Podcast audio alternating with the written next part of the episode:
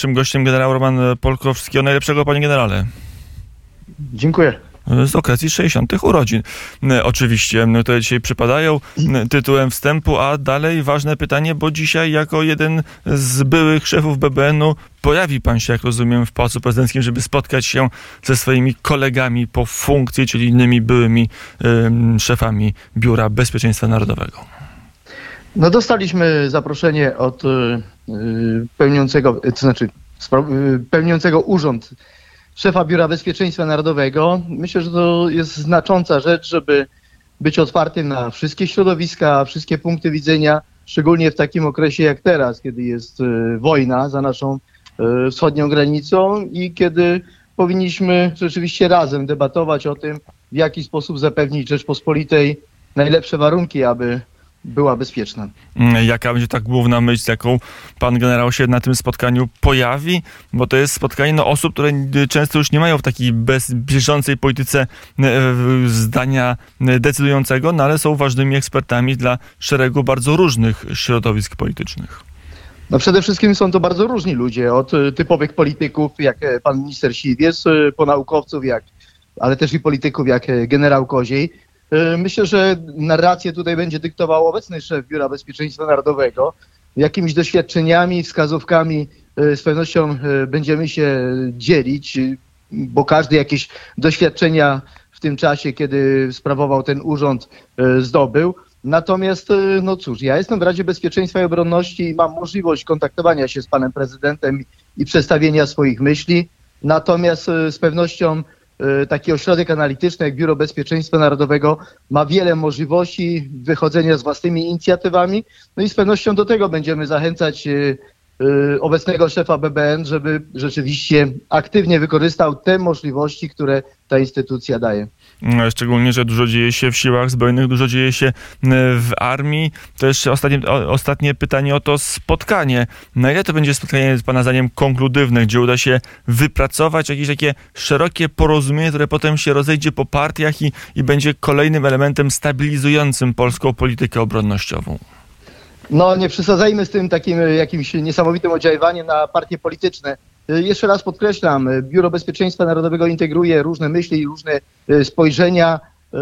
Sądzę, że to, co uda się wypracować, to jednak to, że będziemy z różnych perspektyw patrzyli na nasze bezpieczeństwo, a obecnie sprawujący obowiązki szef BBN-u będzie miał no, szerokie spektrum czy pole, gdzie y, wypracowując analizy dla pana prezydenta będzie mógł korzystać y, naprawdę z bardzo różnych punktów y, y, spojrzenia. Te środowiska, y, chociażby czy ministra Siwca, czy, czy, czy y, innych y, ludzi, którzy kierowali Biura Bezpieczeństwa Narodowego, to są reprezentatywne dla y, różnych spojrzeń na nasze bezpieczeństwo i, i ważne, żeby ten ogląd był o 360 stopni, a nie żeby rzeczywiście patrzeć tylko wycinkowo y, i, i tak naprawdę y, myśleć życzeniowo. Nie, trzeba widzieć wszystkie zagrożenia.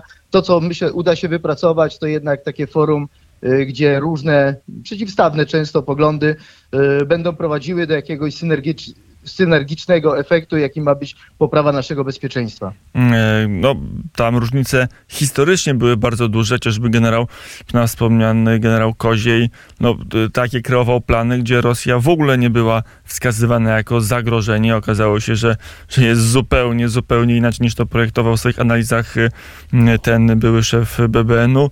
Teraz y, myśli pan generał, że ten obraz będzie o 360 stopni, czyli we wszystkich możliwych kierunkach, ale że na każdym kierunku y, widok jest podobny, że tych różnic jest niedużo, że, że w tym gronie ekspertów nagle okaże się, że polska klasa polityczna, przynajmniej na tym poziomie, jak to, że nie klasa polityczna, tylko ta klasa y, ludzi, którzy zajmowali się bezpieczeństwem, ma jeden wspólny obraz sytuacji. No z pewnością to nie będzie identyczny wspólny obraz. Generał Koziej zapraszał również mnie do y, takich debat, które prowadził w Biurze Bezpieczeństwa Narodowego. Y, Często prezentowaliśmy inne zdanie, wręcz dochodziło do ostrych takich merytorycznych sporów, co nie pozwoliło nam pozostawać w dobrych takich koleżeńskich y, relacjach. I, I tak widzę to spotkanie, gdzie rzeczywiście merytorycznie możemy się kłócić, ale jednak jeżeli chodzi o pryncypia, podstawy, no to będziemy mówić jednym głosem. Krótko mówiąc, y, po to się spotykamy, y, nie żeby sobie nawzajem potakiwać, tylko żeby rzeczywiście y, przedstawiać własne argumenty, no ale oczywiście decydujący głos będzie należał nawet nie do szefa Biura Bezpieczeństwa Narodowego, ale do pana prezydenta, który te opracowania pewnie zastrzeżeniami będzie otrzymywał i sam będzie podejmował decyzje jako zwierzchnik sił zbrojnych, jako prezydent Rzeczpospolitej, jak wykorzystać to y, w swoich działaniach na rzecz poprawy bezpieczeństwa Rzeczpospolitej. Mm, e, Jak się patrzy na mniej więcej od miesiąca na sytuację na e, liniach frontu, to można powiedzieć na wschodzie bez zmian Mm, armie i ukraińska i rosyjska szykują się do zimowania w okopach. No tak to, tak to wygląda. Tu, tu jeszcze do, dodam do tego, że pan prezydent y, myślę, że y, nie popełnił żadnego błędu, jeżeli chodzi o politykę wobec Ukrainy i politykę y, bezpieczeństwa. Myślę, że również Biuro Bezpieczeństwa Narodowego w dużym stopniu pomaga panu prezydentowi, żeby te kroki idąc po takim no, trudnym, w trudnej sytuacji kryzysowej, żeby po prostu działać y, mądrze. Y, To, co w tej chwili się dzieje w Ukrainie, to nie tyle bez zmian, co, co zmiana strategii tak naprawdę rosyjskiej y, ze strategii prowadzenia wojny na strategię już y, takiego nieukrywanego ludobójstwa, bo trudno inaczej nazwać y, y, niszczenie y, infrastruktury krytycznej, elektrowni y, czy, czy źródeł y, wody y, po to, po to, żeby mordować y, cywilną ludność. Kiedy na froncie Rosjanie ponoszą y, porażki, Putin zdecydował się zamiast broni atomowej wykorzystać równie morderczą, albo może nawet i bardziej morderczą broń, polegającą na tym, żeby właśnie y, głodem, mrozem, brakiem energii y, po prostu zabijać y, ludność cywilną Ukrainy. I tutaj jest ogromna zmiana, ogromne niebezpieczeństwo, stąd też pewnie będziemy wypracowywać jakieś inicjatywy, które spowodowałyby zwiększenie takiej mocnej odpowiedzi nie tylko już y, Unii Europejskiej, Sojuszu NATO, ale środowiska międzynarodowego, jeżeli chodzi o y, takie mm, zbrodnicze działania Rosji. Mm, Powiedział mm, generał Roman Polko. To jeszcze jedno pytanie, jak się przed tym bronić?